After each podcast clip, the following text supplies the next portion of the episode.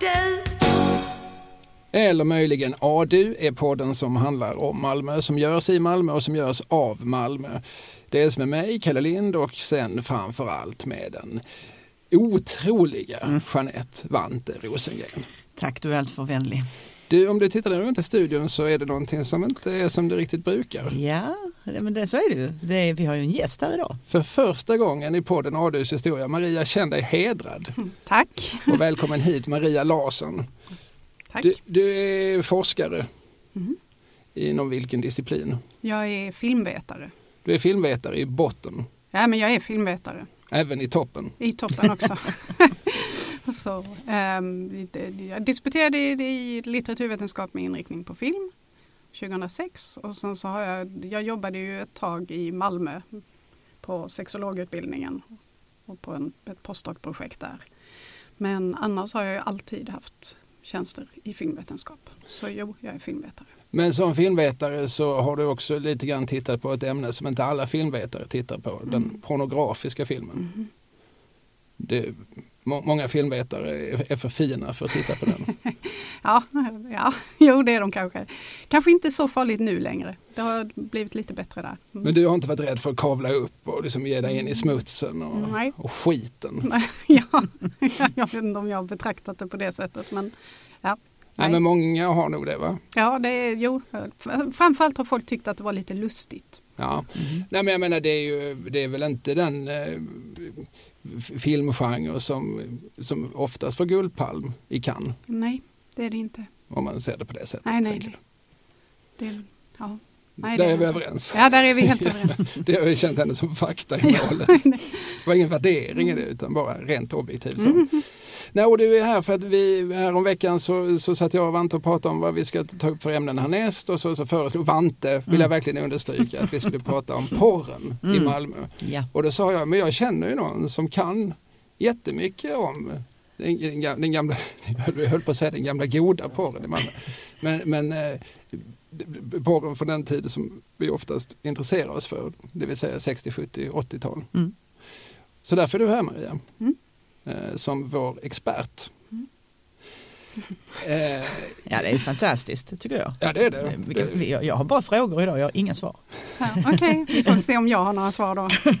Nej, men jag har med mig lite, jag tänker vi kan skippa, liksom, det finns lite mejl och sånt som vi har fått men det kan vi ta till nästa, eh, till nästa podd. Jag, jag, kan säga det jag brukar säga, patreon.com. Kommer du ihåg det? Ante? Ja, det är ett ställe dit man kan vända sig om man vill betala oss för det här. Ja, om man känner att eh, men det, här, det här tyckte jag var värt två kronor mm. och jag är beredd att betala kanske tre kronor till nästa program. Precis. Eller så. Man kan gå in på patreon.com, leta upp ADU-podd i ett ord med 3D sammanlagt, ett i mitten, två i slutet, ADU-podd. Eh, och så kan man liksom, man kan liksom låtsas att man prenumererar. Eller man, det är inte bara som man låtsas, men man får själv, till skillnad från andra prenumerationer får man själv sätta priset. Det är, det, det är väl mm. valfrihet Maria, mm. om något. Oh ja. oh yes. Tycker man det här verkar krångligt mm. så kan man ju swisha. Det är jättelätt. Det, alltså, det, är, det kan till och med du. Det kan till och med jag. 123 052 1088 123 052 1088. Då går det till Kalle Lind Kulturarbete AB och så får Vante sin beskärda del. Tackar goa herrn. Jag tänkte att vi skulle ta avstamp i ett, eh, någon helt annanstans än i, eh, i Malmö. Vi ska ta oss eh, några mil österut eh, till Kiviks marknad. Jag hittade en bok som heter Kiviks marknad som är från 1978 och som handlar om ja, som handlar om Kiviks marknad såklart. Det är en författare som heter Orvar Nilsson, jag vet ingenting om honom. Eh, men han skriver så här om Kiviks marknad 1978. Men det som kommit att ge marknaden en ny citat atmosfär är nöjesfältet där porren blivit allt mer dominerande. De rundaste orden slungas ut med ohämmad decibel och Reeperbahns, Nyhauns och Malmö Västers blåfrusna nymfer av skiftande format vistas upp, visas upp och naturell. Tyvärr är det den delen av marknaden som syns och hörs mest och som dominerar dagspressens reportage. Vad säger detta oss? Jo, att 1978 så ställer alltså, åtminstone någon, åtminstone Orvar Nilsson, alltså Reeperbahn, Nyhavn och Gamla Väster Mm. jämte varann. Alltså det här är... Nu, nu sitter han och tänker, vad finns det för syndiga ställen i världen? Ja, vi har ett ställe i Hamburg och ett ställe i Köpenhamn och vi har ett ställe i Malmö. Mm. Ja. Alltså det, jag tänker det säger någonting om synen på Och detta var Malmö. 1978? Det här var 78. Mm. Det är kanske egentligen lite sent för jag tänker att det kulminerar kring 75-76. Ja, ja, men ryktet lever kvar. Ryktet lever kvar. Men man pratade ju om sexträsket i Malmö. Mm. Så kvällstidningsrubrikerna och sådär. Nu rensar polisen upp i sexträsket i Malmö och sådär. Så det är ju inte så konstigt att det ryktet fanns ehm, på den tiden. Fanns det, inte, det fanns väl gatuprostitution på Gamla Väster och runt Sankt Petri kyrka redan på 40-50-talet? Oh ja. Ja. Oh ja, det, är ju, det, det, är li, det är lite före min tid då. Mm, men, mm. men det är ju liksom, jo då, det fanns. Och sen fanns det på 60-talet på Jerusalemsgatan. Mm. ehm, som de sen rev ner Mm. eh, och byggde, vad heter det, Caroli City. Mm. Ja, det heter det. Det har vi pratat om förr i den här podden. Caroli City. Mm. Ja. Och där finns också Humlegatan. Då går vi Mm. ytterligare lite längre tillbaka till skiftet 1800-1900-tal. Mm? Då var det prostitutionsstråket par preferens. Ja, de har ju en tendens att flytta på sig eftersom makten gör olika nedslag för att Just få bort det. Liksom, Mm. och sådär, så då flyttar det på sig. När jag kom till Malmö i, i 90-talets slut och då hette det åtminstone att det var Industrigatan som var, som var stråket Mm. to be i en bok jag ofta refererar till i den här podden, Taxi 72 bland drömmar och dårar. Då är det Sankt Knuts väg Ja. som eh, han ofta får köra sina kunder till. Eh, och när man kom till Sankt Knuts väg då så är det väl kanske fortfarande, men, men, men den, den går ju mellan kyrkogårdarna. Den är ju som, som jord. Det är ju som att eh, man tänker att, att någon har suttit på ett gatukontor och tänkt, men var ska vi få plats med, med våra nattfjärilar? Här har vi ett perfekt ställe. Kyrkogård på båda sidor. En bred gata med möjlighet att stanna och, och stå på tomgång. Eh, mörkt, ingen, eh, inga hus, alltså inga människor som, som ser. Centralt, perfekt. Eh, och må, många har säkert reagerat när de kommit att det är ju förbjudet att köra där, åtminstone var det det tidigare, Mm. me- mellan 21 och 05. Mm. Ja, ja just det. Mm. Det är väldigt ovanligt, alltså om man inte vet orsaken så tycker man det är konstigt, varför får man inte köra här på en tid då man ju rimligtvis inte stör någon? Mm. Men det finns en historia. Alltså, jag kan bara säga att jag jobbade i min ungdom på Sankt Pauli norra kyrkogård.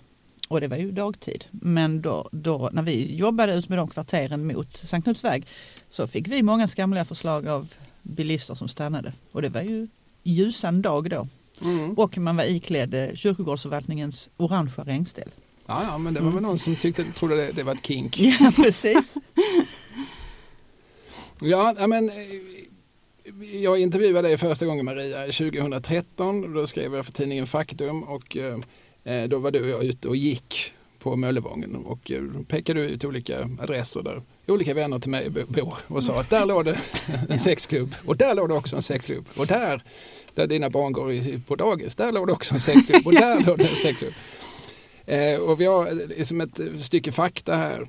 1971 hade Malmö 265 000 invånare, ge och ta, Mm. och 17 porrbutiker. Främst i Möllevången, Lugnet och Gamla Väster. Eh, somliga var då koncentrerade på försäljning av tidningar och smalfilm. Andra erbjöd samlag på scen. Eh, vissa namn försökte associera till det sofistikerade. Vi har Pigalle, Mm. Arabia Sex Night Club och Röda Rubinen. Mm.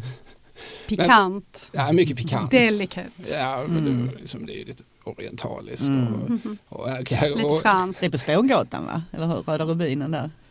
Hörnet Mjölnagatan, Spångatan, är det inte det? En sån fin detalj som jag inte kommer ihåg. Men jag hade ju suttit och gått igenom annonserna. Mm. Så att då, och då fick man ju adresserna på Ja. köpet och sen satt jag och prickade ut dem på en karta och sen gick jag en lång och blåsig dag i Malmö och försökte identifiera liksom de här platserna var de ställena hade legat. Så att den promenaden jag gjorde med dig då när vi gick runt och kollade var dina barn gick på dagis och sådär. Mm. Den, den, eh, den hade ju föregåtts av en väldigt lång Mm. skoskavsvandring. Ja, och jag minns att det, till och med på Kirseberg fanns det en Mm. butik. Jag minns den adressen. Att, jag tror att det är adress Vattenverksvägen. Och det, alltså när man kommer in från Lundavägen så är det nästan genast till höger. Det huset- Sex in hette det Huset är rivet va? Ja, Men- precis. Ja. Men det är, strax innan vattentornet. Mm. Eh, Även där låg det en gång i tiden någon form av sexklubb. Eh, Det är ett par andra namn på sexklubbar som jag tycker är ännu bättre. Till exempel pornografispecialisten. Var låg den? Ingen aning, men de här, det här är som jag en gång fått från Ja. Marias forskning. Och sen så då... Det, det De allra- hymlar inte med vad de kan där. Nej, precis. Alltså det, det är mer liksom blåvitt. Kon- Konsumvarianten. Nu är vi långt från Arabia Sex Night Club. Här, här, ni, ni, där vi är vad vi är. Vi heter vad vi är. Sen så fanns det också ett ställe som heter Plympiraten. Ja. Och det är så konstigt. Man undrar, man har liksom en känsla av att de kanske gjorde någonting annat från början och sen så behöll de namnet Ah, ja. Plympiraten. Piraten. Men det var tydligen nå- någon form av sexklubb som det gärna hette på 70-talet. Mm. Eh, och i din forskning Maria så kartlade du, om jag har antecknat rätt, eh, perioden 71 till 76. Mhm. Eh, och då satt du alltså med gammal mikrofilm Ja, och, och rullade dag för dag. jag blev väldigt yr i huvudet. Så nu kan man ju söka på svenska dagstidningar som är inskannade Mm. och sådär. Så då är det ju en helt annan grej. Men Du skulle vänta tio år. jag skulle väntat en 10 år eller 15 år. Mm. Mm, så hade du inte fått lika ont i huvudet som man lätt får när man sitter med mikrofilm för det är alltid Mm. lite, lite oskarp. Mm. Just det. Så man har ju alltid Och så snurrar man spänningshuvudvärk liksom efter och så går det framför ögonen och så blir man lite sjösjuk. Ja. Ja, men alltså Kvällsposten som då, som nu, men, men då var det ju Malmös stora kvällstidning och var ju en väldigt läst tidning och så. Och, och de, varje dag så fanns det Annonser, ja. en Massor med helsida annonser. eller ett uppslag. Det var lite olika men ja, alltifrån en, en och en halv eh, helsida liksom till en halv sida. Så det varierade lite och jag lyckades aldrig hitta någon riktig eh, vad heter det, system i det. Om det var liksom inför helgerna som det kom mer eller om det var någon annan anledning. Det hittade jag aldrig. Liksom. Men ja, mellan en halv till en och en halv sidas uppslag. Och hur explicita var annonserna? Alltså menar du bildmässigt Men fanns eller det i någon ord? form av eller? eufemism eller, eller stod det som rakt av kom, kom hit och titta på naket? Alltså Gentlemännens hörna annonserade ju homosexuella kvällar. Och då tror jag inte de Aha. Mm. menade heterosexuella. Så att det fanns ju liksom eufemismer som, som användes. Och de skrev väldigt sällan, pornografispecialisten är lite speciell för att det var väldigt ofta liksom sex som förekom snarare än porr. Mm. Ehm, vilket är lite märkligt för att de filmerna och de showerna som fanns på de här ställena de var ju pornografiska. Medans sådana filmer som till exempel de danska gladporrfilmerna som kallades fnissporr och eh, dansk porr och gladporr och sådär. De var ju inte pornografiska utan de var ju mindre explicita, mindre grafiskt explicita. Eh, De blev, hävdar De jag, blev det så småningom. Men under den här tidiga 70-talstiden så, så är de inte det. Men de kallas ju liksom då porr medans de som var renodlat pornografiska och visades på klubbarna och så, de kallades väldigt ofta sex. sex. Men jag, ursäkta. Det är pollenet som härjar. Ja, ja, precis. Jo, jag tänkte, eh, recenserade man också? För det var ju shower där, sa ni här i början. Alltså, recenserade man dem? Nej, Det, det, Nej. nej. det gjorde man inte. Det fanns lite, alltså, det, det finns ju en slags eh, gradering här för det fanns ju lite burlesk och sånt. Mm. Och det kunde man skriva om men, men stripp och liveshowerna på klubbarna skrev man inte skrev man inte om annat än som mm, liksom förfasa sig över att det- var prostitution på Mhm, eh, de här etablissemangen. Mm. Eh, eller att det var kanske Ja, alltså men inga recensioner. Man kunde rapportera därifrån men man recenserade inte. Men där kan man komplicera lite. Oh, jag. jo förresten, för FIB Aktuellt hade en eh, recension av ställen Mhm. i Malmö. Så att det fanns ju, FIB Aktuellt hade recensioner. Men kvällstid, Kvällsposten Mm. gjorde ju inte, vanliga dagspressen gjorde inte det. Nej, just det. Och FIB Aktuellt var ju en så kallad herrtidning Mm. som, som också från 60-talets slut och framåt nästan nummer för nummer blir allt mer pornografisk. Mhm. Alltså, alltså trosorna glider allt längre ner. Alltså från att från början Ja. sitta på Mm. så är de till slut vid knävecken. Mhm. Men, men det, det kan man nästan, alltså, om man lägger numren kronologiskt så kan man se hur de för, för varje nummer varje nummer i någon sorts ständig tävlan också med, med, med lektyr som då Mm. gavs ut av FIB Aktuellt var Bonnier ägt, va? och Lena Åkerlund. Och, Sax, och Det är var Klara. Arnbergs område, inte mitt. Ja, nej, men, och Saxon ägdes av, eller Saxon ägde lektyr, så de, de, de två var de stora De konkurrenterna. tävlade liksom med varandra. Ja. Ja, och det har Jan Guillou skrivit mycket om eh, och roligt om. Han var ju själv, skrev ju själv för FIB Aktuellt Mm. i slutet av 60-talet. Eh, jo, men, men eh, alltså, det här med frågan är intressant om det recenserades. Nej, som, som Maria säger så recenserades väl inte liksom, showerna som gavs på de explicita sexklubbarna. Men väldigt mycket av mainstream-kulturen hade ju också väldigt tydliga inslag av något, något som vi nog idag skulle tycka var liksom närmast pornografiskt. Alltså mycket, alltså i en, en vanlig som krogshow, en revy, så var det, det var mycket mer hud Mhm. än vad vi är vana vid Mm. idag. Och där kan man ofta liksom se på, tror det eller ej, på de manliga recensenterna, att de ju gärna liksom recenserar att det var yppiga flickor, att det var eh, trevliga flickor att vila blicken på, det Mm. var ögongodis och det var som ett litet bombnedslag som kom in och, och var, var trevligt. Mycket trevligt att titta på. Mm, mm. Alltså väldigt, väldigt mycket med den. Det Eh, låter som något Sten Broman skulle ha tyckt om att ja, skriva om. ja. Mm. Han, eh, han, han polar ju med, just med en strippa Ja, just det. i många år. Gunilla av Halmstad. Mm. Ja. Henne har jag träffat. eh, Hon eh, levde ett stormigt liv på 60-70-talen. Så, och så, jag minns att jag frågade henne, eh, är du nöjd med ditt liv Gunilla? Ja, men jag skulle inte vilja leva om det.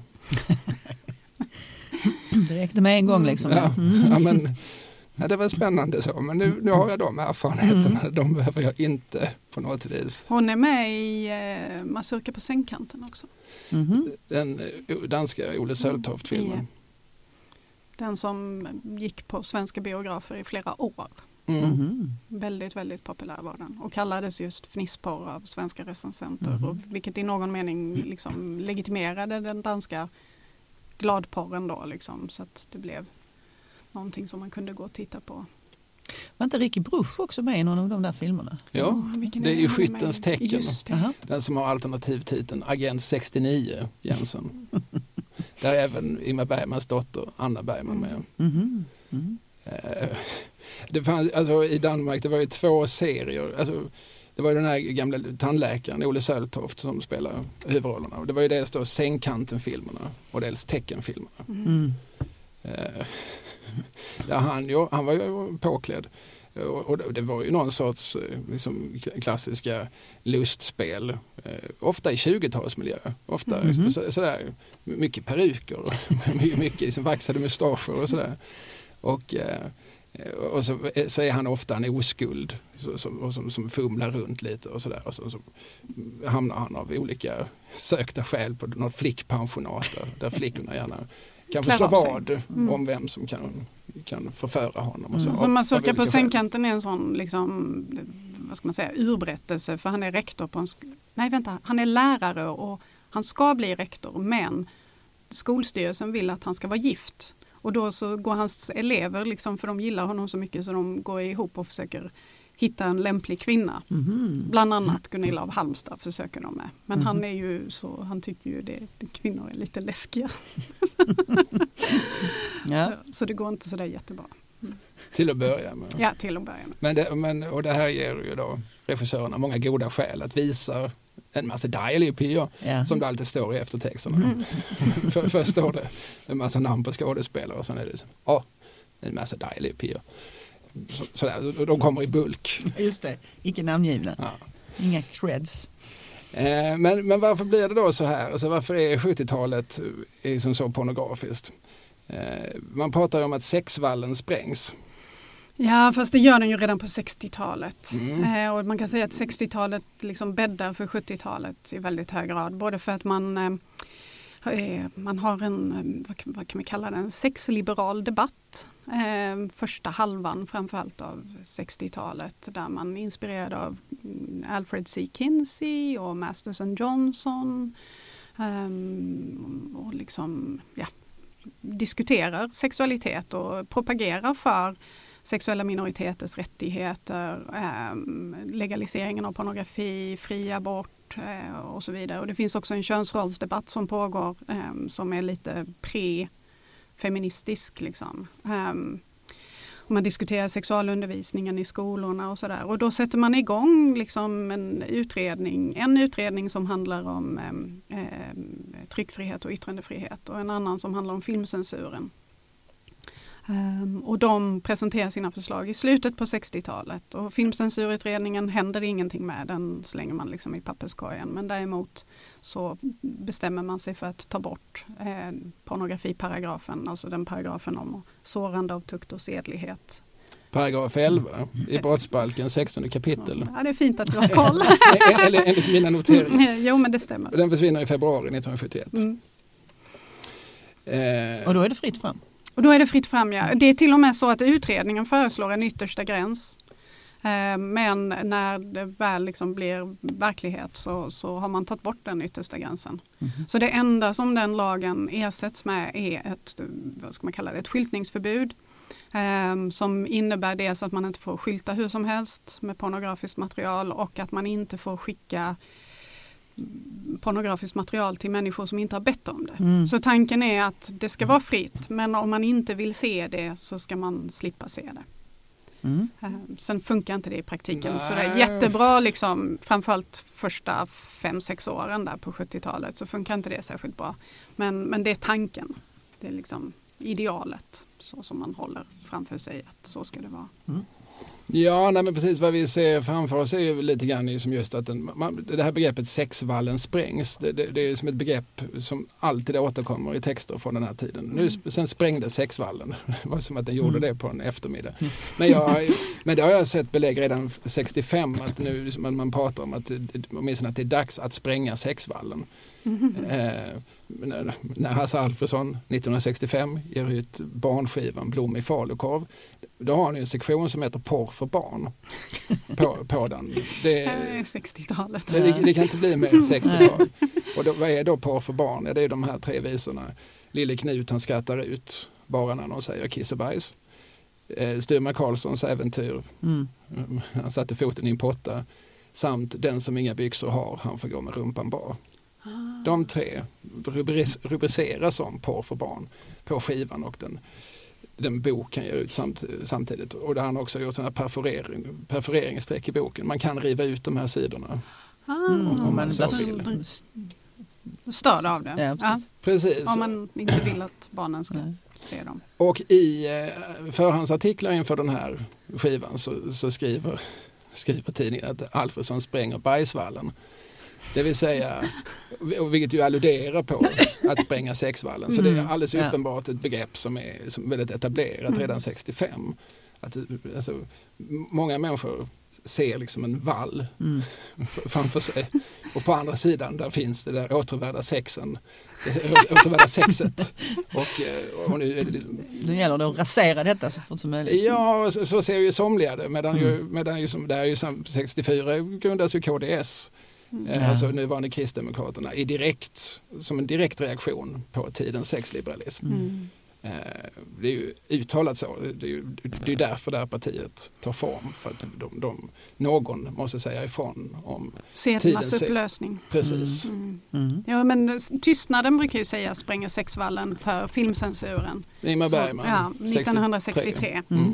Um, och så så det är ju liksom i filmcensurens liberalisering så brukar man ju säga att 1963 då sprängs sexvallen. Och sen kommer ju den svenska sexfilmsvågen som inte är pornografisk per se. Det är inga närbilder på könsorgan eller eh, erigerade penisar eller så. Men, men det är väldigt mycket naket och det är olika samlagsscener, alltså simulerade samlag då. Eh, och vad heter det? Eh, och liksom sexuella teman och sexualupplysning kommer så småningom. Där har vi lite autentiska samlag och närbilder på könnsorgan. Mm. Men det är ju först- Torgny Wickmans kärlek, Kärlekens språk. kärlekens Mm, språkfilm. Så, men det är ju några år senare. Ja, det är sent 60-tal men Mm. man kan ju, om man liksom, återigen, man, man kan se liksom år för år under hela 60-talet alltså, hur, hur gränser flyttas. Vi flyttar Mm. dem lite, lite till. Lite, lite till. Varför får inte jag visa vad Bergman får visa? Mm. Ja, Och så. Men det är ju ändå Joe, Sta- Joe Sarnos, eh, vad heter den, Jag en oskuld från 68. Där är ju en scen som eh, en kvinna som onanerar lite grann i hommage till eh, Ingrid Thulins onani i Tystnaden. Men den, den klipps ju av mm. censuren. Så Jaha. att det är liksom, Joe Sarno räknas inte som samma mm, inte, gigant inte nej, som Ingmar Bergman. Trots att han älskade Ingmar Bergman. Har du koll på Joseph Sarno? Nej, jag vill inte påstå det.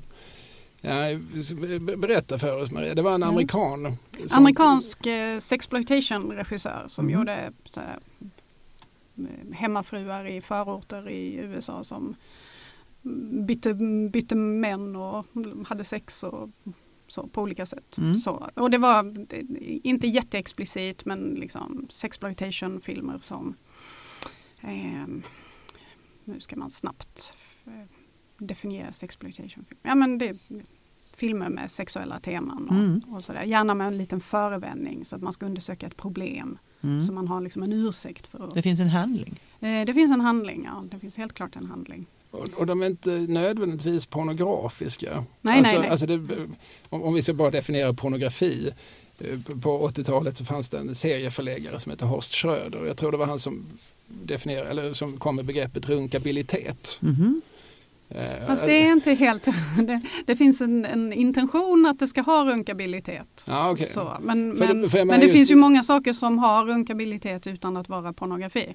Ja, och tvärtom Och tvärtom. kanske. Så, så, men man, man ser någon slags syfte att upphetsa. Mm. Det är ju en sak. Men sen så brukar, när jag pratar om pornografi så brukar jag ju prata om närbilder på könsorgan.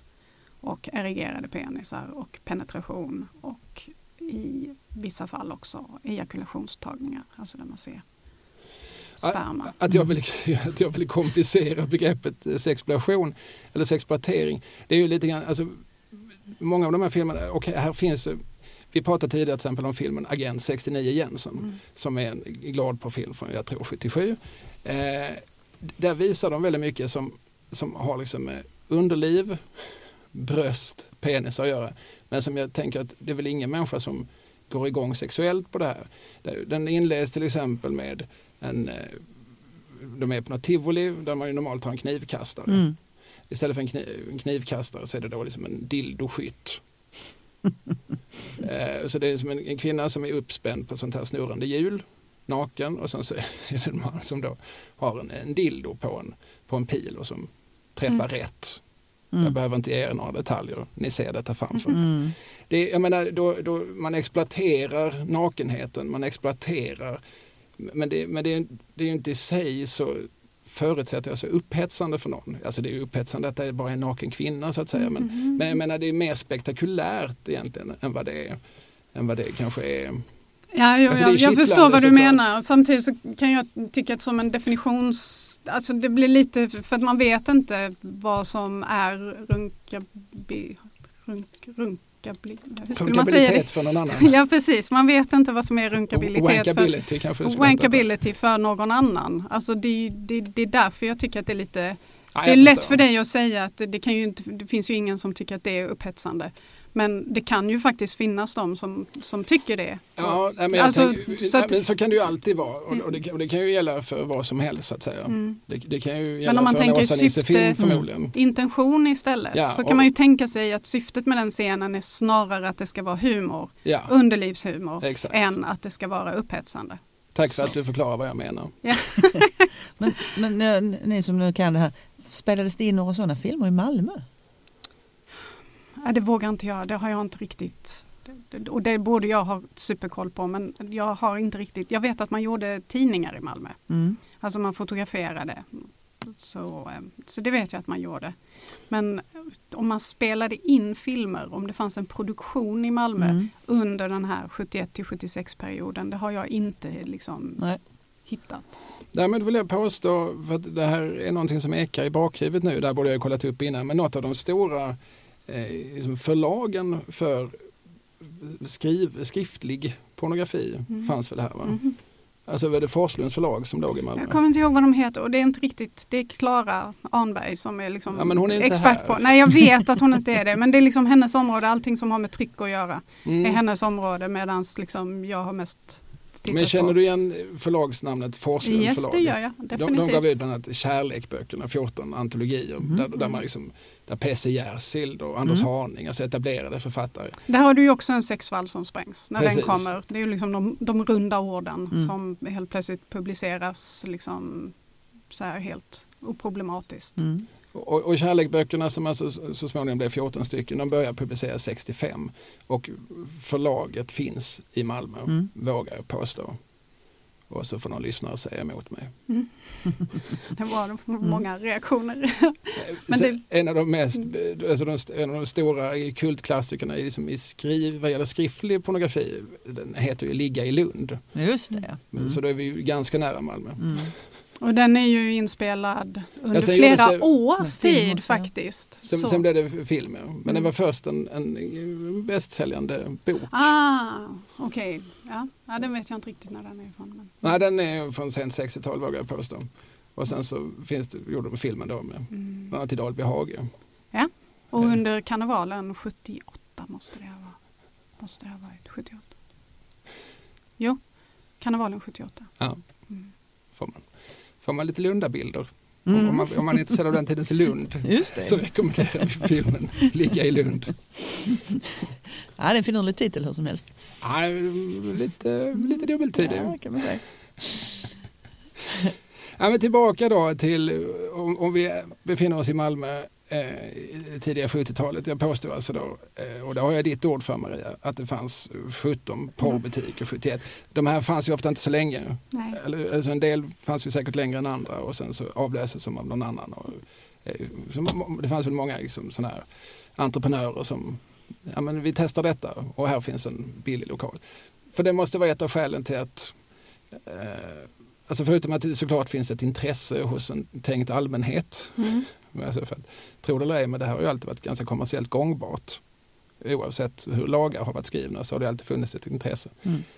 Som, som det nu var tillåtet att, att exploatera. Eh, och så är det ju främ- främst de här områdena då, alltså Möllevången, Lugnet och Gamla Väster. Vad beror det på? Alltså Lugnet är ju ett sån intressant case study liksom, för att där bestämmer man redan på 50-talet att man ska riva Lugnet och bygga nytt liksom, och exploatera liksom, marken. Eh, Men sen tar det jättelång tid innan man gör det, både för att det tar tid att bestämma vad man ska göra med området men också för att folk som bor där och äger fastigheterna sätter sig på tvären och inte vill. Så vad heter det, så, så där, är ju, där ligger flera ställen eh, i det som, liksom in, som inte finns längre. Alltså, Mm. För det är så, sen 77 eller någonting så är det liksom bara sånt, man kallade ju Malmö, att Malmö var fullt av bombhål. För man bara liksom rev Mm. jättestora kvarter och sen tog det jättelång tid innan de byggdes upp. Ehm, Ja, det var väl en tundra efter vad jag förstår mellan saluhallen och Mm. kanalen. Mm. mm. Parkeringsplatser i det oändliga. Alltså jag har någon bild i den här boken liksom på Lugnetområdet från, jag tror det är från 77. Där det, alltså det, det ser ut som en öken. Mm. Det är jättehemskt och så står det någon liten byggnad liksom och sticker upp och det är ja, riktiga sår i Mm. stadslandskapet. Så. Men det betyder ju att det fanns billiga, billiga platser att hyra, hyra in sig på. Och vill man då slå mynt av den här eh, legaliseringen så snabbt som möjligt utan att behöva investera jättemycket pengar så var, de, var det bra hus och, eller liksom lokaler att hyra in sig i.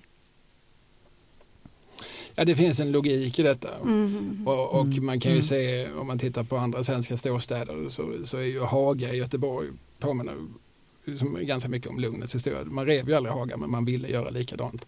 Sen ändrar man sig i sista stund. Men där finns också under 70-talet, alltså, jag har läst en lista på liksom 50 olika klubbar inne, inne på Haga, Mm. eh, som, som kanske inte fanns samtidigt. Mm. Och det kanske var ställen som bytte namn och så. Men jag har läst en lista Mm. med 50 olika som, som fanns under en tioårsperiod. Eh, och i Stockholm var det då Klara Norra Kyrkogata. Mm. En central gata bara liksom några kvarter från Centralen som, som ju då i många roliga revyer, så Casinorevyn, ofta refereras till som Klara Porra. Mm. Så det, det var Alltså det här var någonting som man visste då. Mhm. Alltså återigen den här killen man nu hette som skrev en Kiviks marknad, Arvar någonting. Eh, liksom, han kan liksom referera till Malmös väster Ja, oh ja. och, och folk förstår att Mm. ja, ja, då är det synd du pratar om. Mm, just det. Då är det nymfetter, Mm. Mm. blåfrusna nymfetter Mm. som visas au naturell. eh, det, det finns ett ställe, eller fanns, ett ställe som heter Elsie och Hasse.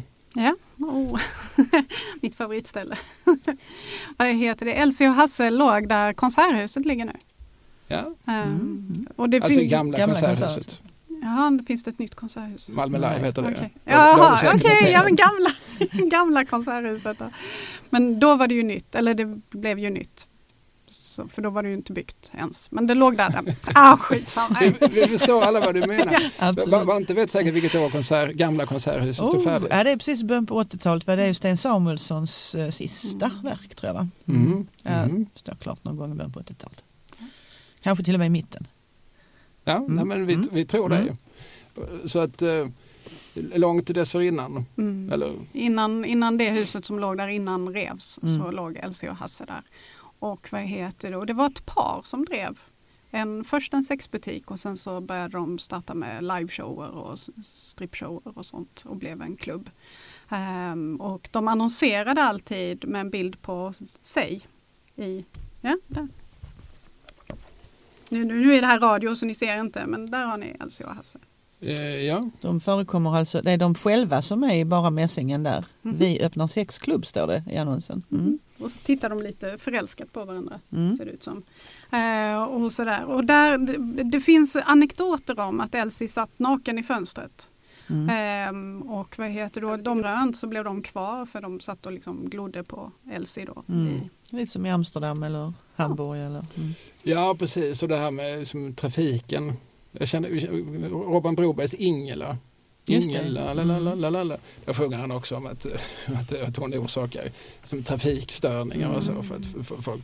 Och jag, och jag minns eh, när Anna Nicole Smith på 90-talet visade upp sin Mm.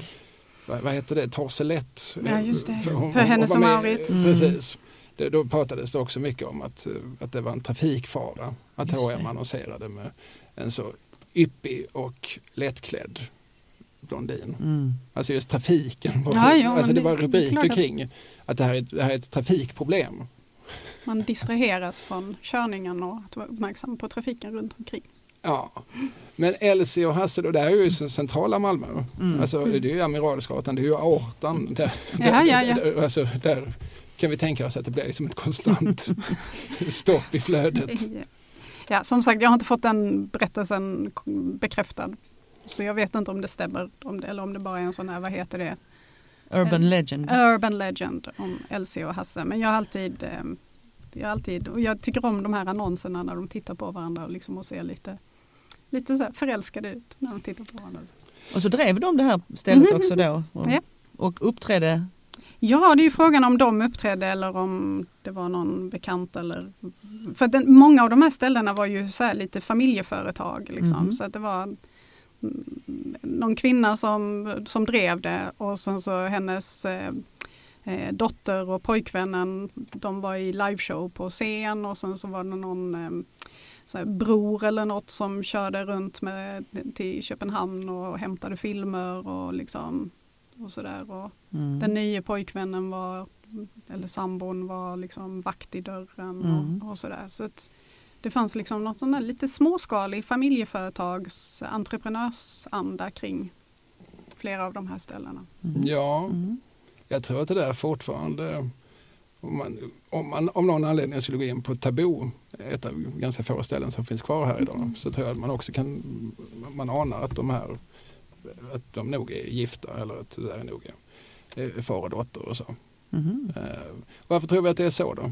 Att det är familjeföretag? alltså smidigt och liksom anställa och att man håller det lite inom familjen och, och sådär. Och, att, och generellt sett liksom just det här entreprenörsmässiga att man kan jag vet inte, ena veckan sälja honungstabletter mot alla möjliga krämpor och sen nästa vecka starta en porrklubb. Alltså att, mm. liksom, och då blir det ju lätt att man tar de som finns i sin närhet för att sköta olika uppgifter. Så, så jag tror att det är väldigt enkelt, jag tror inte det är någon komplicerad anledning. Och det är också på något sätt att lagstiftningen tillåter det. För hade du idag försökt sälja din eh, dotter på marknaden så hade det ju varit... Fast det är ju inte att de säljer sin dotter på marknaden utan hon uppträder ju. Och nu är det förbjudet. Det mm. förbjuds mm. i början på 80-talet, alltså förbud mot pornografisk föreställning. Men mellan från 1971 till förbudet då i början på 80-talet. 82. 82. Så vad heter det, så är det ju helt lagligt att ha mm. samlag offentligt mm. liksom, mot mm. betalning. Um, men men um, vad heter det, de här liveshowerna i sig betyder ju inte prostitution. Nej, nej. Sen att det väldigt ofta också förekom prostitution mm. på de här ställena. Det var ju det som blev deras downfall lite grann. För att i mitten på 70-talet så gör eh, Malmöpolisen en stor razzia. Eh, för de har haft spaning på de här ställena länge och stänger ner massor av dem just för att, eh, eh, ja, för att de kvinnorna som jobbar där inte bara är performers och uppträder utan att de också säljer sex. Mm. Eh, så att ägarna åtalas för koppleri. Är det Kellerman-gruppen som är... Shit, det vet jag inte. Ja, för det fanns ju en eh, berömd polis i Malmö som hette Ja, ja men Kellerman. det stämmer nog. Det stämmer mm. nog. För att, eh, ja, din svärfar mm. hade ju lite koll på det där. Och jag tycker Kellerman låter bekant. Mm. Ja. Min svärfar heter Sven-Axel Månsson och är professor emeritus i socialt arbete och var på 70-talet inbegripen i någonting som hette prostitutionsutredningen. Mm. Som väl, jag tror, att Leif GW Persson satt i Stockholm och mm. var, åtminstone framställde sig som spindeln i nätet för. Han var, alltså det var ju på tid, det var ju innan bordellhärvan när han var mm. RPC, rikspolischef Carl Perssons handgångne man. Eh, från det, så att det här gjordes ju i många städer. Alltså man kartlade hur ser gatuprostitutionen mm. och framförallt, framförallt tror jag lägenhetsprostitutionen ut. För då, det var ju mycket massageinstitut. Mm. Poseringsstudios. Ja. Mm. Eller poseringsateljéer kallade man det. Ateljé var ett vanligt ja. begrepp. Mm. Och, sådär. och det annonserades ju också i tidningarna. Så att posering och sådär. Och så fanns det adresser. Många av dem i Rörsjöstaden. Mm. Mm. Så, um, så att all, all prostitution var inte gatuprostitution eller klubbprostitution. Utan en del var då i de här poseringsateljéerna. Mm. Det var inte alldeles ovanligt har jag förstått att det fanns liksom, entreprenörer som i, i princip kontrollerade alla lägenheterna i trapphus. Mm. Eller de flesta. Eh, så, att, så att trapphuset i praktiken fungerade som en bordell. Mm. Eh, med, ja, med kanske liksom någon portvakt som satt och tog emot och mm. sa vilken våning man kunde, kunde gå upp till. Och sen har jag hört. Ja men det kan nog, det kan nog ligga någon, någonting i det. Ja. Men det fanns ju också ställen där grannarna klagade. Så det, är liksom, det är en sån där eh, sån, liksom, vad ska man säga, en bieffekt av som inte har med exploatering eller eh, objektifiering eller våld mot kvinnor eller så att göra utan som har att göra med spring i trappor, mm. fulla människor, mm. spyor i mm. hörnen, mm. folk som pissar bakom mm. soptunnorna och så vidare. Och så vidare. Alltså bara så här störande av allmän ordning. Mm eh, som är liksom knutet till både klubbarna och de här eh, centrala platser. Det, det, är ju någonstans som en ganska viktig förutsättning mm. för både att man kunde liksom, det var inte så svårt liksom att hitta en lokal för en sexklubb och det var inte så svårt att, att hitta några lägenheter för att ha så kallade liksom massageinstitut eller poseringsateljéer i. Mm. Alltså, det, det, finns ju alltid sådana faktorer mm. oh ja. när man tittar på oh ja. ett fenomen. Som ekonomiska incitament som gör att det här är praktiskt möjligt. Idag är det ju, kostar det ju, idag är det ju BRF. Då måste mm. man liksom köpa en lägenhet. Oh ja. Men det är ju liksom, då flyttade ju folk ut från, från eh, centrum, eh, stadscentran folk flyttade ju ut för att det var så här renoveringsobjekt och det fanns liksom inte rinnande vatten eller fanns inte inne toaletter och så vidare. Alltså så folk flyttade ut. Men sen så efter det så har ju folk flyttat in till, det har blivit attraktivt att bo i stadskärnor mm. och liksom och bo centralt och husen har renoverats eller det har byggts nya hus. och sådär. Så att liksom, det är ju en annan... Eh, och Malmö är ju från det att Kockums börjar drabbas av problem 70, 74, ja med oljekrisen, så vad heter det, så börjar faktiskt Malmö bli en avfolknings... Alltså Mm. att folk lämnar Malmö. Mm. Ehm, och, ehm, och, sådär, och då blir det ju ännu billigare. Så det är inte bara det att det är rivningshus utan det är också att det finns en, en faktorer som gör att folk lämnar och det står tomt. Mm. Liksom. Mm. Så, ehm, och i många som liksom tittade på, på sexträsket i Malmö på 70-talet, de såg ju liksom den här misären som en, ett resultat av porren och prostitutionen och så vidare. och så vidare. Men i någon mening så var ju porren och prostitutionen ett resultat av en misär som redan fanns där. Mm. En, en effekt, ja. Ja. Snarare. Ja, eller en effekt. en- en- en Resultat trigger. kanske lite för. Ja. Eh, mm. Får jag bara komma tillbaka lite till Elsie och Hasse? Ja. Det, det är ju trots allt din favoritklubb, Maria. Eh, du citerar, eh, kanske inte kommer ihåg, men du citerar ur deras annonser. Och där använder de begrepp så som sober miljö Mhm. och handplockade artister. Oj. Och de arrangerar också eh, föreställningar och kvällar för kvinna och man. Alltså Alltså- kvinna med Q och U. Mm. Mm. Det vet ju alla att om man stavar kvinna med Q U I Mm. så eh, blir det lite mer elegant. Såklart. Då, är det inte, då förstår man ju att... eh, Vilken nu, bondlolla som helst. nej, nej, nu är det lite Jane Austen där på det här. Mm.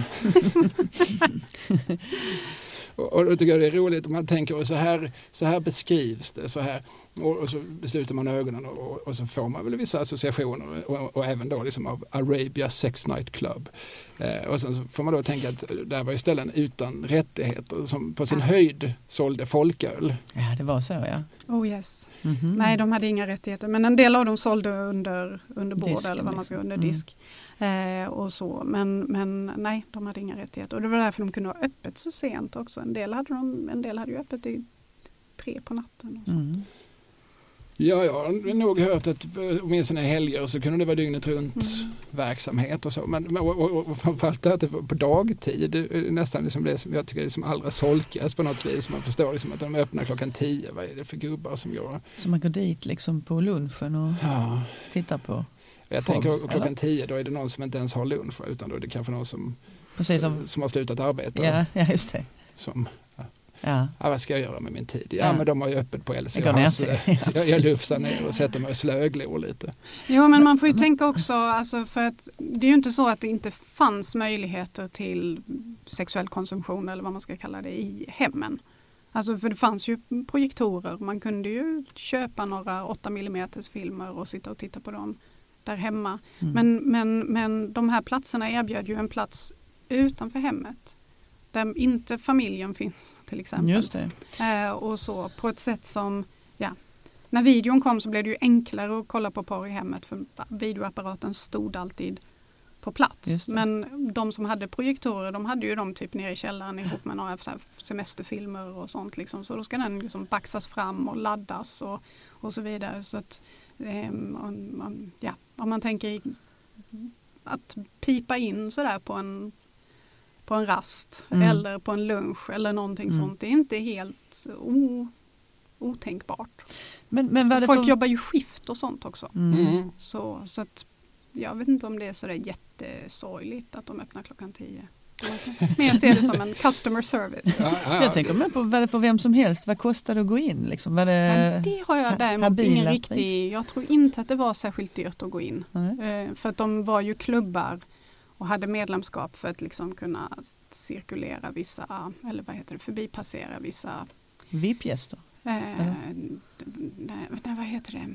Eh, alltså lagstiftning och regler. Och så. Alltså till exempel så hävdade de med bestämdhet i början på 70-talet att vi behöver inte, det här är slutet sällskap så vi behöver inte granska våra filmer, vi behöver inte skicka dem till Statens biografbyrå för granskning. Mhm. Eh, men sen så blev polisen lite purkna över det och då Mm. så började de skicka in. Så från och med 73 så är det en sån här jätteuppgång i vilka filmer som i pornografiska filmer som skickas in till Statens biografbyrå Mm. för granskning. Så de här ställena skickade in filmer för granskning till Statens biografbyrå. Alltså det vi populärt kallar filmcensur. Det vi Mm. kallar filmcensuren. Så, och det är ju ett av de få spåren som finns kvar av de filmerna som visades i de här sammanhangen. För väldigt många av dem har ju inte sparats och arkiverats utan är förlorade. Mm.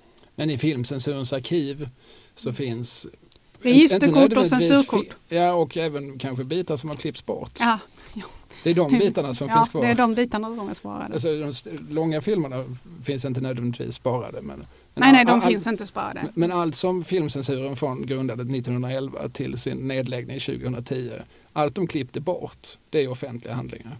Ja, fast det, allting finns inte kvar för att det har liksom typ brunnit och det har liksom och så. så att, men, men det finns ju kvar vad de klippte från så här 8 mm pornografiska filmer som man kan gå dit och titta på om man Mhm. vill. Mhm. Mycket märkligt att man kan gå och se. Ja, det finns en fantastisk ironi i detta. Det, det här var det som en gång förvägrades svenska folket att titta på. Det är det som är sparat idag och dessutom då av offentliga medel tills, tillsatta. Alltså Mm. det- men det. Statens biografbyrå var ju en myndighet. Ja, ja. Liksom, så det var ju Och jag har varit, nu kommer jag ju såklart inte ihåg vad den institutionen heter som tar hand om filmcensurens arkiv. Riksarkivet. Ja, och den ligger på Marieberg, alltså jämte DN, Expressen-skapan. Fantastiskt hus, man tror att det är tre våningar men åtta våningar ligger under jord. Eh, och Man det- åker ner i urberget och Ja. tittar på Mm. porr. Liksom. Det är verkligen... så, ja. Ja, först kommer en arkivarie med vita handskar och plockar fram det åt dig. Ja, det är man ju inte förvånad över att det är vita handskar Och så- figurerar i ett sådant sammanhang. Nej, precis. Nej, och apropå det, kan, Mm. det kan vi ju nämna apropå Malmö. Och så, Mm. liksom, den, den första svenska porrplattan Mm. görs Johnny ju här. Bode. Mm. Ja, precis. Och det är ju Bordellmammas visor va? Precis, och, och orkesterledaren heter Staffan Åkerberg och Mm. syntes ju ofta i Lasse Holmqvists program eller liksom i, i Malmö TVs program och så. Men det, här var, det var ingenting han var jättestolt över så att jag tror inte han Hans namn står på LP-skivan. Det var nog många av de musikerna som inte riktigt ville skylta med. Ja, det, där är ju också en sån, liksom, man gör sig så lustig över att till exempel Stellan Skarsgård var med i Kristina Lindberg-filmer och, Mm. och sådana saker. Men de var ju tvungna att ha jobb. Mm. Och svensk film, den stora, alltså 35 mm, den som gick på bio och sånt, den var ju i lite så här lågkonjunktur på 70-talet, framförallt början av 70-talet. Så vad heter det, ville man jobba så var man ju tvungen att ta de jobb som fanns. Så det, jag, jag, jag kan känna nästan lite så att nej men vi måste respektera dem för att de faktiskt Mm. jobbade. Ehm, och så. Ja. Ja, vi Mm. ska ju också förstå det här. Det finns en bok som heter Frigjorda tider som jag rekommenderar till alla och en var. Även om det råkar vara tre goda bekanta till mig som skrivit den. Eh, Martin Kristensson, Fredrik av Trampe och Anna-Lena Lodenius. Som handlar om 60-70-talets eh, sexliberalism. Underrubriken är ungefär när kulturen blev pornografisk och pornografin blev, kult, blev kultur. Mm. Eller möjligtvis tvärtom. Och eh, det här komplicerade ytterligare också att i många sammanhang var ju det där med pornografi lite chic. Mhm. Eh, och du du beskrev in, inledningsvis Maria de här liksom sexliberala debatterna i början på 60-talet. Och det, det var ju väldigt mycket SSU och vad hette de då? FPU? Liberal- Liberalerna. Det Mm. som sen blev LUF, alltså Liberalernas ungdomsförbund. Som var väldigt drivande där. Per Gahrton var, Ja, var ett väldigt centralt namn Mm.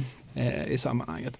Eh, och och eh, om man försökte, det fanns ju som krafter som ville, liksom, alltså, de riktigt romantis, romantiska krafterna menar ju liksom att pornografin ska frigöra oss Mm. som människor. Och så att, precis som det fanns de som menade att LSD skulle göra det vid samma tid. Så fanns det de som tyckte att, som, som kände liksom att pornografi, liksom det, det är bra för oss, vi behöver mer pornografi, vi behöver liksom bejaka vår, vår, våra drifter. Alltså det här är något, alltså, vi ska slänga av oss det lutheranska oket. Ja, och hämningarna och fördomarna och liksom moralismen och sådär. Det ska bort. Och sen tänkte man också att porren skulle bli bättre. Ja, ja. Mhm. En anledning till att porren var så dålig var att den var förbjuden. Så att liksom de som var riktigt duktiga Mm. gjorde inte porr, för de gjorde ju annat då. Mm. Eh, Men om man släppte porren fri så skulle det både bli ökad konkurrens, så att av det skälet så skulle det liksom bli bättre pornografi. Eh, Men också att folk skulle, den här, de här hämningarna skulle försvinna och duktiga människor skulle göra pornografi. Så det. Ja, det är så liberaler fortfarande hävdar att marknaden fungerar. Mm. Och sen eh, Leif Silbersky skriver ju att kvinnorna kommer ju att begära en bättre pornografi. Aha. Alltså de vill, de, för de kommer inte att nöja sig med den där skiten som männen liksom tycker är helt okej. Utan de kommer att vilja ha liksom, mer kvalificerad liksom, mer kvalitativt material. Så, Mm. Och därför så kommer pornografin att bli bättre. Mm. Då har vi ytterligare en tydlig Malmökoppling också. Leif Silbersky växte ju upp i Malmö. Absolut. Mm. har vi nämnt tidigare i Den här porren. Eller den här podden. Ja, ja, det- Freudiansk får man väl verkligen säga. Freudian slip. Jag kan inte tänka mig mer urtypisk Freudian slip. Jag, Eh. jag tänkte jag skulle bara fråga nu när, jag har, eh, när vi har en expert här. Ehm, jag har en liten spaning. Jag satt och tittade på en, en ryslig massa bilder från, eh, från den 19 januari 1967. Det är lite innan din, Mm. din forskning börjar men ändå. Då är det invigning på något som heter Exclusive Society Club på Strandhotell i Limhamn. Det, är, det heter Havshotellet nu, det här höga huset ni vet på Strandvägen. Och då är det en nattklubb och där är alla servitriser topless. Och där kan man ju då äta och dricka och, och dansa och så är det lite underhållning. Och det här är premiärkvällen, det blir succé, det är fullsatt, det är hög stämning. Och så har jag suttit och tittat på de här bilderna och trodde i min enfald att det, att det var bara män som gick dit. Men på alla bilder man ser så är det ju väldigt många par som kommer, alltså man och kvinna. Och eh, jag skulle nog säga att det är lika många kvinnor som män på bilderna. Så att, ehm, och så avslutas kvällen med, med striptease också då från scen. Och sen fortsättningsvis då de här olika, ja men det var ju Hipp och det var Malmborgen och alla möjliga ställen som hade sådana här striptease. Likadant där, tittat på bilder. Fenix som låg på, ehm, på hörnet av Föreningsgatan och vad blir det nu då? Bro, Bolagsgatan heter väl den? Nej, bro, jag blandar alltid ihop. Brogatan är det nog va? Ja, hur som helst, det är samma. Så här är det att hänga med Bante. Så- Det är my- mycket blandar ska ihop. sitta och erinra sig. Vad hette, hette nu den gatan? Ja, ber om ursäkt för denna förvirring. Men vad jag ville komma till var, va- hur liksom, är, det, är det så att det är att det, folk går dit som ett folknöje, både män och kvinnor? Jag, jag hade ju en, en bild i min förvrängda skalle av att det bara var ensamma gamla män som satt och tittade på sånt här. Ja, ja nej, nej, nej, nej, nej. Men det i- igen så är den här lite graderingen av underhållning. Alltså på de här ställena så var det ju definitivt par. Mm. Eh, och både män och kvinnor som, som gick och tittade på det. Men om man tittar liksom lite längre ner då i, liksom ju sunkigare det blir desto Mm. mer mm, exklusivt manligt blir Mm. det. Mm. Eh, och det indikationer på det är ju till exempel att flera av klubbarna har ju gratis inträde för kvinnor. Jaha. Mm. Så vad heter det?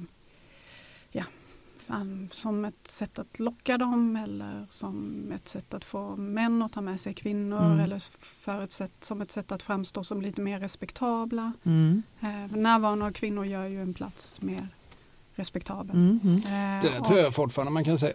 Alltså, ja, ja, ja. På, på vissa sorters danshak och så. Att, att man, man på något vis krattar upp så att det ska komma fler tjejer, Mm. tjejer, Ja, ja. tjejer dit. Vilket är både är bra för då kommer också snubbar. Mm. Och, eh, det, ja, och som du säger, det höjer också statusen. Det gör det. Ja. Och, ja. och, det, och det är ju det man vill. Alltså, man, man, vill ju, man behöver ju ha en blandad, på sådana ställen så behöver man ju ha en blandad publik för, att Just det. det. Ska, för att det ska bli bra. Mm. helt enkelt. Så, men, men när jag har pratat med folk om just eh, porrbiograferna och de lite sunkigare klubbarna och sådär så, så var det ju de kvinnor som var där var just kvinnor som jobbade på ställena. Inte kvinnor som gick dit för att konsumera Nej, nej. utan kvinnor som jobbade. Mm. Så eh, ja. Ja, jag förstår. Vi, vi, vi alltså, av vårt, nu sitter vi och fnissar lite och så här. Och vi, det är väl underförstått att eh, den här liksom, världen var destruktiv för oerhört många av dem som Mm. drogs in i den. Att det fanns många liksom, mi- mindre seriösa entreprenörer som, som eh, och, och eh, det hände ju också i mitten av 70-talet så, så, så får ju hela den här sexliberala kraften lite mothugg för då kommer det liksom en mer feministiskt formulerad motkritik. Eh, 76 kommer ju, eh, vad heter den? Sexualbrottsutredningen. Ja, du vet precis vilka jag syftar på.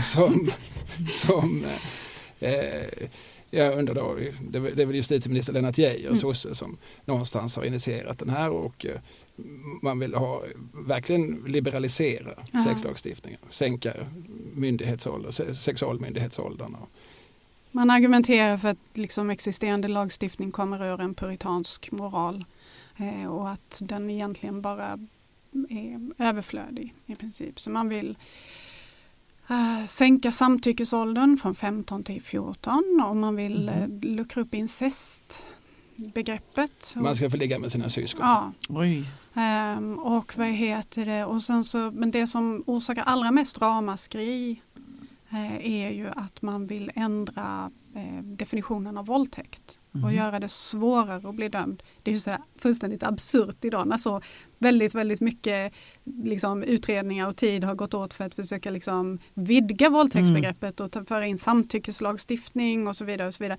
Men då när den här utredningen presenteras så vill man istället snäva av våldtäktsbegreppet och i princip göra kvinnan så här medskyldig om hon har följt med en man hem så är det klart att han räknar med sex Mm. liksom, så det får hon väl fatta. Så där, och fattar hon inte det så och så vidare. Och det här är ehm, en utredning som ju hamnar i papperskorgen eh, därför att den väcker så enormt mycket eh, agg eh, och inte så konstigt heller Mm. för att den är verkligen en lätt mardröm ur ett Mm. feministiskt perspektiv eller ett jämställdhetsperspektiv bara rent generellt. Ehm, och så, så Maria Pia Boetius går ut med en rad artiklar i Expressen. Men det är inte bara Maria Pia Boetius utan det är liksom flera ledarskribenter och så som upprörs över detta. Och jag tror, så att jag tror i någon mening att den inte bara ehm, att den inte bara liksom får mothugg eh, utan att den också gör att kvinnorörelsen betraktas helt plötsligt blir någonting som inte bara är, är eh, någonting för kvinnor utan att liksom kvinnorörelsen får ett liksom mer generellt stöd från det är inte en särorganisation liksom, utan det är Mm. någonting som fler människor engagerar sig i och håller med. Ehm, ja. Det är en sån här intressant tid, eh, alltså det är som en ohelig allians för att 76 är det ju riksdagsval och eh, för första gången på 44 år så får sossarna Stryk. Ja, Mm. till sin egen förvåning. Va? Mm. Vill ni inte ha oss längre? Marita Ulvskog kände att det var kändes som en statskupp. Eh, det var någon annan som, som blev valda. Nej, men, men, eh, så det är ju en borgerlig regering som, som river den här utredningen i, till konfetti. Mm. Och det är, ju, det är ju ingen feministisk borgerlig regering. Ola Ullsten var ju inte, som, han kanske var det, men, men Gösta Bohman var ju inte på något vis uttalad feminist. Eh, utan, så det blev lite grann en ohelig allians mellan mellan eh, liksom en feministisk rörelse och en egentligen eh, mer som sexualkonservativ Mm, mm, mm. rörelse som, som, som, kommer, som tycker att här är gränsen Ja. nådd Mm. vad, vad gäller liksom den se- sexliberala strömning som då har funnits i 15 år någonting. Eh, intressant som en brytningstid för då börjar kanske pendeln lite grann. Oh ja, ja men det är, när, det är där, där pendeln liksom svänger och det har ju liksom bäddats lite för det liksom just med de här sexträsket i Malmö Mm. och, och den typen av eh, så här, reportage om baksidan av porren. Jag är lite osäker på, Studio S gjorde ett om så här, småflickorna småflickorna och prostitution. Mm, Någonting. Studio. S var SVTs ledande samhällsmagasin i slutet på 70-talet. Mm. Um, och sådär. Men jag är lite osäker på om den kommer före eller efter sexualbrottsutredningen. Men det är någonstans där i samma veva. Liksom, så, så att man börjar verkligen så här, ta fasta på avigsidorna av pornografin och prostitutionen och ja, den kommersiella sexualiteten. Ja, och då svänger liksom pendeln. Mm. Mm. Och sen tror jag inte den har svängt tillbaks. Kanske lite grann i början på 2000-talet när Svenska Filminstitutet finansierade feministisk pornografi och folk diskuterade porr på ett lite mer. Men annars så har ju liksom pendeln varit Ja, om, om vi tillåter oss att komplicera så är det väl liksom olika rörelser. Alltså, en, ganska, en, en detalj som finns om vi tittar på sexliberalismen det har ju också med liksom, homosexualiteten att göra och, liksom, och queerskapet att göra. Även homosexuellt material fanns ju i eh, porrbutikerna, sexbutikerna. Och, och det kunde ju vara ganska oskyldigt, alltså sånt som idag hade visats kanske på barnprogramtid rent av. Alltså, även det, alltså, det här är liksom en berättelse om två män som förälskar sig i varandra och som hånglar. Även det kunde ju som finnas i en, en, på, en sexbutik. Mm. Mm. För även det var ju liksom någonstans skamstämplat eller, eller det här är ingenting som, som eh, offentligheten är intresserad av. Eh, Så, så där fanns ju liksom den här, den här sortens butiker gav ju som en möjlighet för sexuella minoriteter att, att utforska sig och, liksom, och hi- hitta sitt material och så. Och det är ju idag på ett helt annat vis en del av, liksom, av det offentliga rummet. Så man, alltså det jag menar, alltså det, förstår du hur Mm, jag menar? mm. Att det finns, I den här rörelsen så finns det ju massor med olika parallella strömningar. Där en Mm, del, mm. skulle jag nästan säga att där har liksom pendeln fortsatt i, hävdar jag, en positiv riktning. Mm. Och, och i andra fall hävdar jag Ja, en, ja. också en positiv riktning fast på andra sätt. ja, nej men det, jo så kan man ju också, man kan komplicera det på det sättet. Det är ju klart att det är komplext. Du är akademiker så du kan väl Ja. komplicera. Jo, jag, är- jag kan absolut komplicera. Men jag tänker det har med, det är ju så, alltså man, får man titta på liksom debatten på 60-talet så har vi liksom till exempel fri abort kommer på 70-talet. Vi har eh, den här avklassificeringen av eh, homosexualitet som en sjukdom som är, vad är det, 78, 79? 79. 79. Ehm, Barbro Westerholm. Så, Mm. så det, är liksom, det, det, det är flera saker som, men frågan är om de hänger ihop med porren.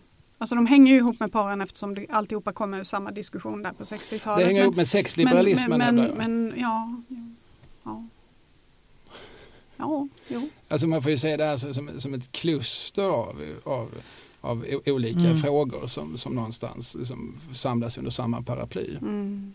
Det finns en, ehm, eller det fanns, jag tror han har gått bort, en forskare som är, var verksam i Australien som heter Brian McNair som har skrivit en bok som heter Porno Chic. How pornography changed the world and made it into a better place. Mm, en Och han- titel. Mm.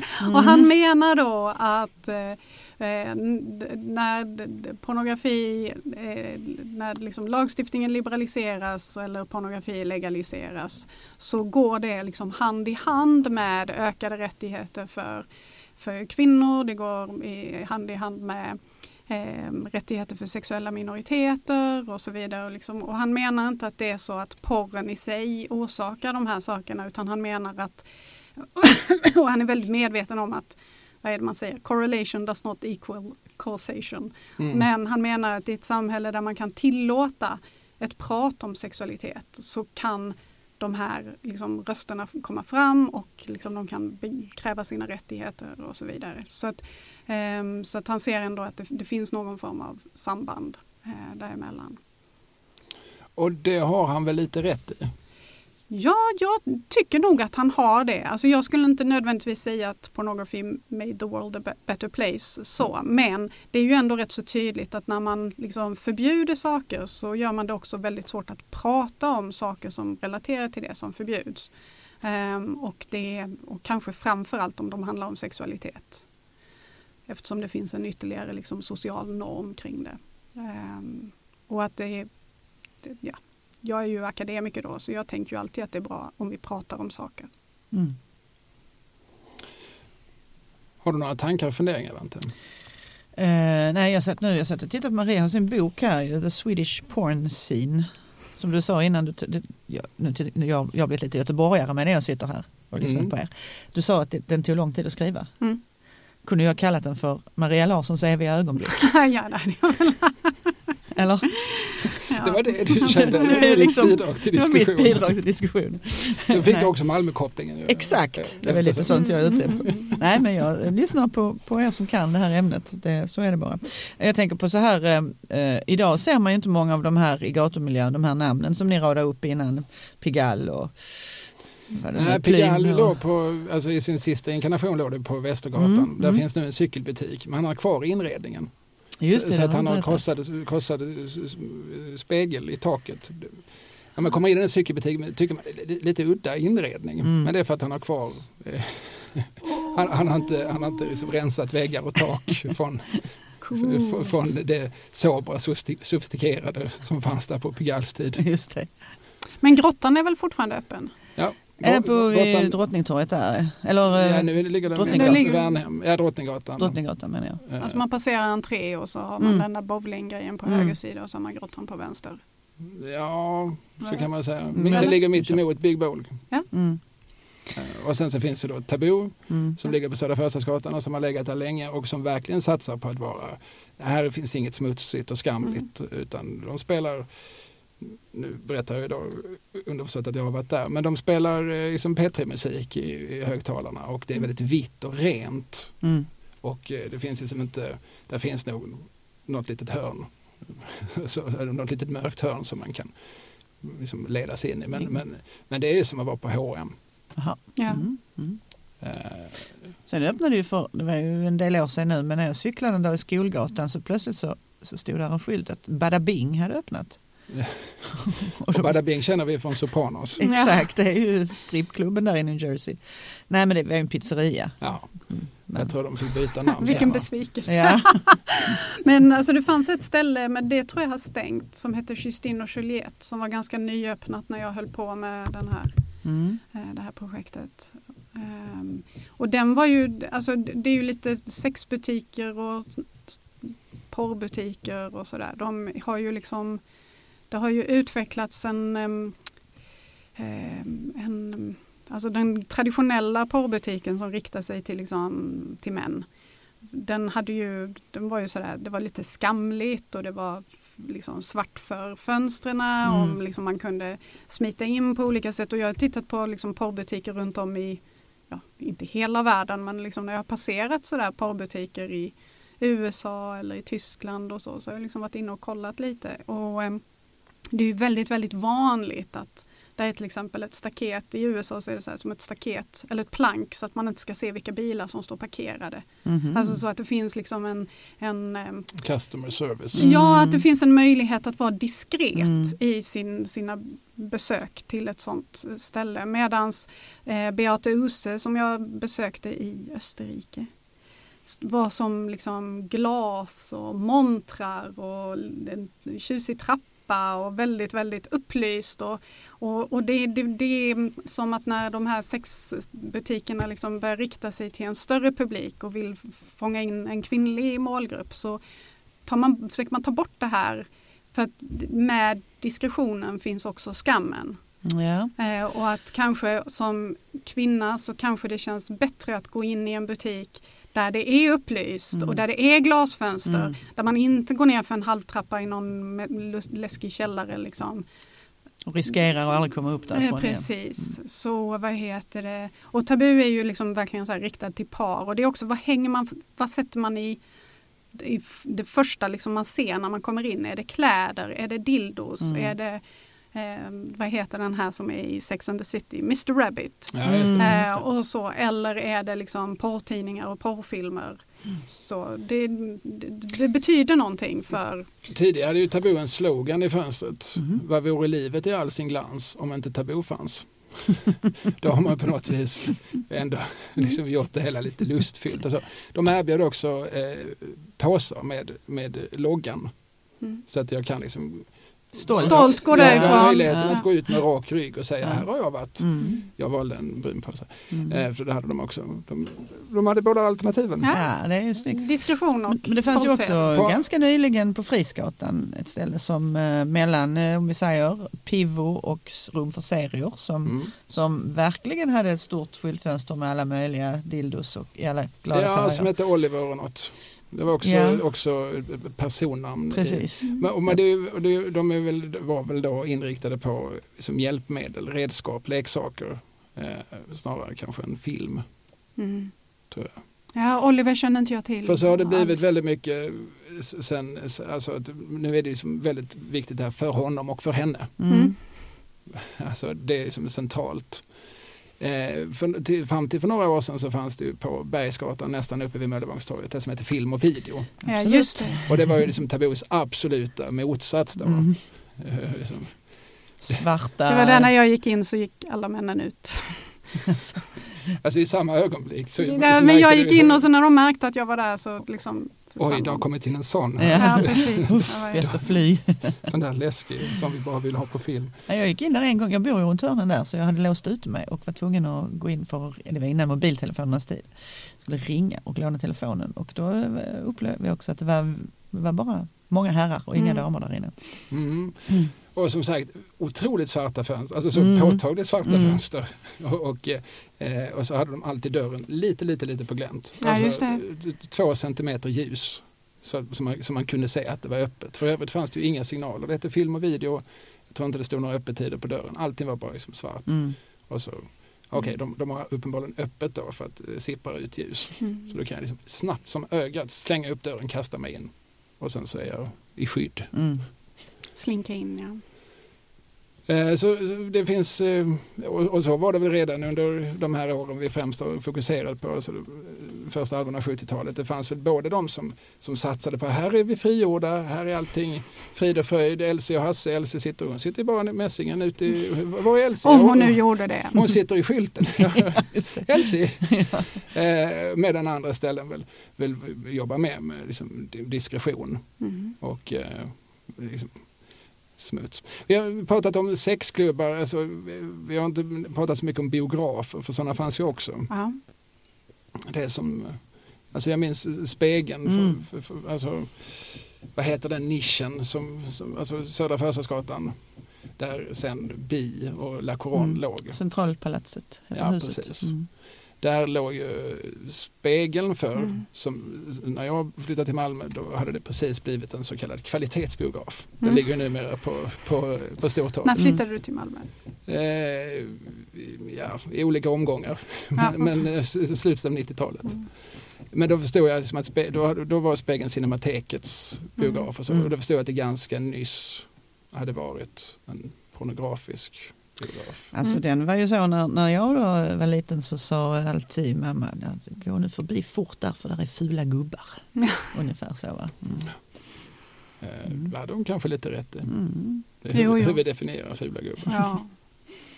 Ja, jo nej men Spegeln var ju porrbiograf och de hade då, och där kan vi ju gå in på diskussions eh, frågan igen och den här graderingen som jag har pratat om, liksom, för att de visade ju som de danska gladporrfilmerna till exempel, de visades ju på vanlig biograf. Mm. Och då gick man dit liksom när föreställningen skulle börja och så fick man stå i kö och köpa en biljett och gå in och titta liksom när filmen började. Men Spegeln hade nonstop Mm. visningar med ett litet program liksom med en längre film och så några kortare filmer. Och man kunde ju liksom bara betala inträde och så vara inne i tio minuter eller i en halvtimme eller två timmar. Om Och man, man behövde inte stå i foajén och visa Nej. upp sig utan man Och kunde var liksom det kö? slinka in. mot förmodan kö så kunde man ju ta ett litet varv runt kvarteret och Mm. vänta på att det skulle sluta vara kö. För man behövde inte se filmen från början för det var inte därför Man man kunde var gå och titta och se vad Thomas Tobak hade i, sin, i sitt skyltfönster. Precis. Stå och titta på lite olika Eller piptobak gå in och ta i, i en väntan. pastis på La Couronne. Så helt oaktat om de här gubbarna var fula eller inte Mm. så, så, så kan det nog mycket väl, alltså jag kan förstå din mamma för att de kan ju ha rört sig liksom, ja. cirkulerat där Mm. kring. Liksom, så. Sen behöver de ju inte nödvändigtvis ha varit fula. Absolut inte. Det var väl mer en omtanke. ja, ja, ja, men det var ju så man sa på den tiden. Mm. Eh, är det någonting mer vi bör ha sagt Maria? Om vi pratar om porren i Malmö. Ett, liksom någon sorts nyss tidshistoriskt perspektiv. Vi har liksom inte pratat Lilja Forever och sådär. Nej, nej, Nej. Som, nej. Nej. som ju, Men alltså jag, det enda jag tänker är liksom att det är svårt idag kanske att föreställa sig, alltså man pratar ju ibland om så här sexualiseringen av det offentliga rummet och så. Men, men när jag har tittat på 70-talet så har jag tänkt att nej men det, det, det går inte att jämföra. Det var mycket mer sexualiterat i liksom det offentliga urbana rummet Mm. än vad det är nu. Och det är ju alltid från liksom just det där att man som barn kunde stå i kön på Konsum, Konsum. och, liksom, Mm. och se porrtidningar Mm. liksom uppställda för försäljning eh, till att det faktiskt fanns både prostitution och klubbar och en porrbiograf. Alltså det fanns nog fler men Spegeln var den som annonserade. Ehm, och ehm, butiker och sånt överallt. Plus att FIB Aktuellt och de hade ju jättestora så här annons, vad heter det, Mm. affischer och Löpsedlar. grejer. Mm. Och löpsedlar och sådär. Och de, FIB Aktuellt och Lektyr var ju, betraktades, ju, betraktades ju som herrtidningar och inte pornografiska tidningar. Men det var ju ändå liksom en slags sexualisering av det offentliga rummet. Som, Mm. ja, I högsta grad. mm, Men, men eh, ja, precis, och de här tidningarna, de, sen blir de, de köps av ett porrbolag eller porrförlag som heter Tre Mag ja, i slutet det. på 70, början på 80-talet. Fram till dess är det alltså Bonniers och Saxon som, Mm. alltså de, Respektabla. de fina förlagen. Mm. Det var, inom familjen Bonnier var det här liksom en sån där, ja, vi ger ju ut de här tidningarna och det tycker vi är fel, men jävlar vad vi får pengar. Mm. Men det är ju också den där alltså, avvägningen, för man säger ju också väldigt så förenklat att sex säljer. Och det är klart att det gör. Men det säljer upp till en viss punkt. För att de här riktigt porriga ställena, det, det, var ju inte vem som helst som gick dit. Men en herrtidning var liksom, det kunde man ju ändå köpa. Det kanske var lite... Mm, man kan så, säga men, att man läser dem för artiklarna. Jan Guillou skriver ju ja, den. Så, mm. Sådana saker. Men, mm. men, men, och att försöka balansera, att hålla den balansen liksom, mellan det explicit, sexuellt explicita och det acceptab, socialt acceptabla. Det är en svår balansgång som då bland annat Bonniers och Saxon lyckades med där under en period och en del av de danska gladporrfilmerna lyckades också med under en period. Mm. Ja men det är väl ett ganska bra eh, slutord. Mm. Eh, men, intressant det du säger Maria, för det, där minns jag ju väldigt tydligt från min barndom, alltså eh, sena 70-talets Lund och så här. Vi, vi skojade mycket på mitt dagis om porrtidningar. Mm. Alltså det var liksom någonting, vi, vi var väldigt medvetna om porrtidningars existens. Vi visste att det fanns blaskor med, med nakna tjejer i. Eh, jag minns att jag frågade min äldste son när han var kanske sju, vet du vad porr är? Och att han inte hade en aning. Nu vet han, nu tar han snart studenten. Men, men, eh, men att det, alltså, det, det, var, det fanns liksom på vår radar, det var liksom omöjligt att inte veta, skulle jag säga. Mm. mm. Alltså, känna till existensen av. Och sen så har det flyttat in på internet och det är väl bra på sitt sätt. Och det är väl bra att barn inte vet vad porr är kanske. Eller så är det inte det.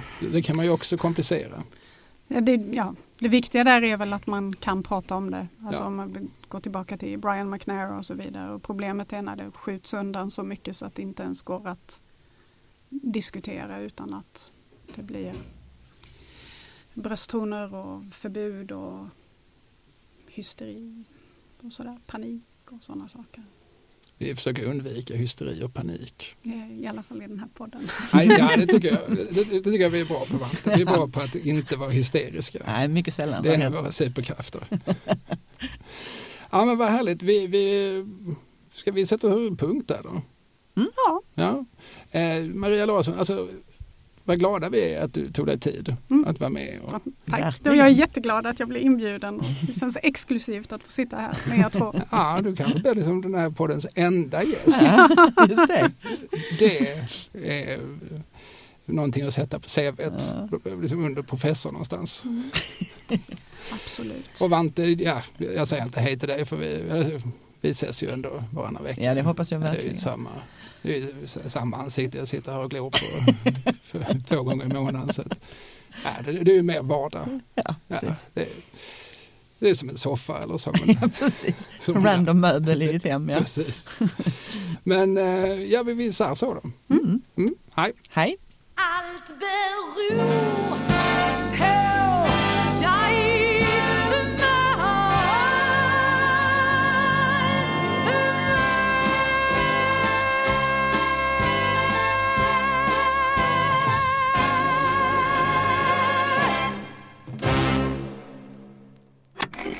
Programutsändningen presenterades av Kalle Lind, kulturarbete AB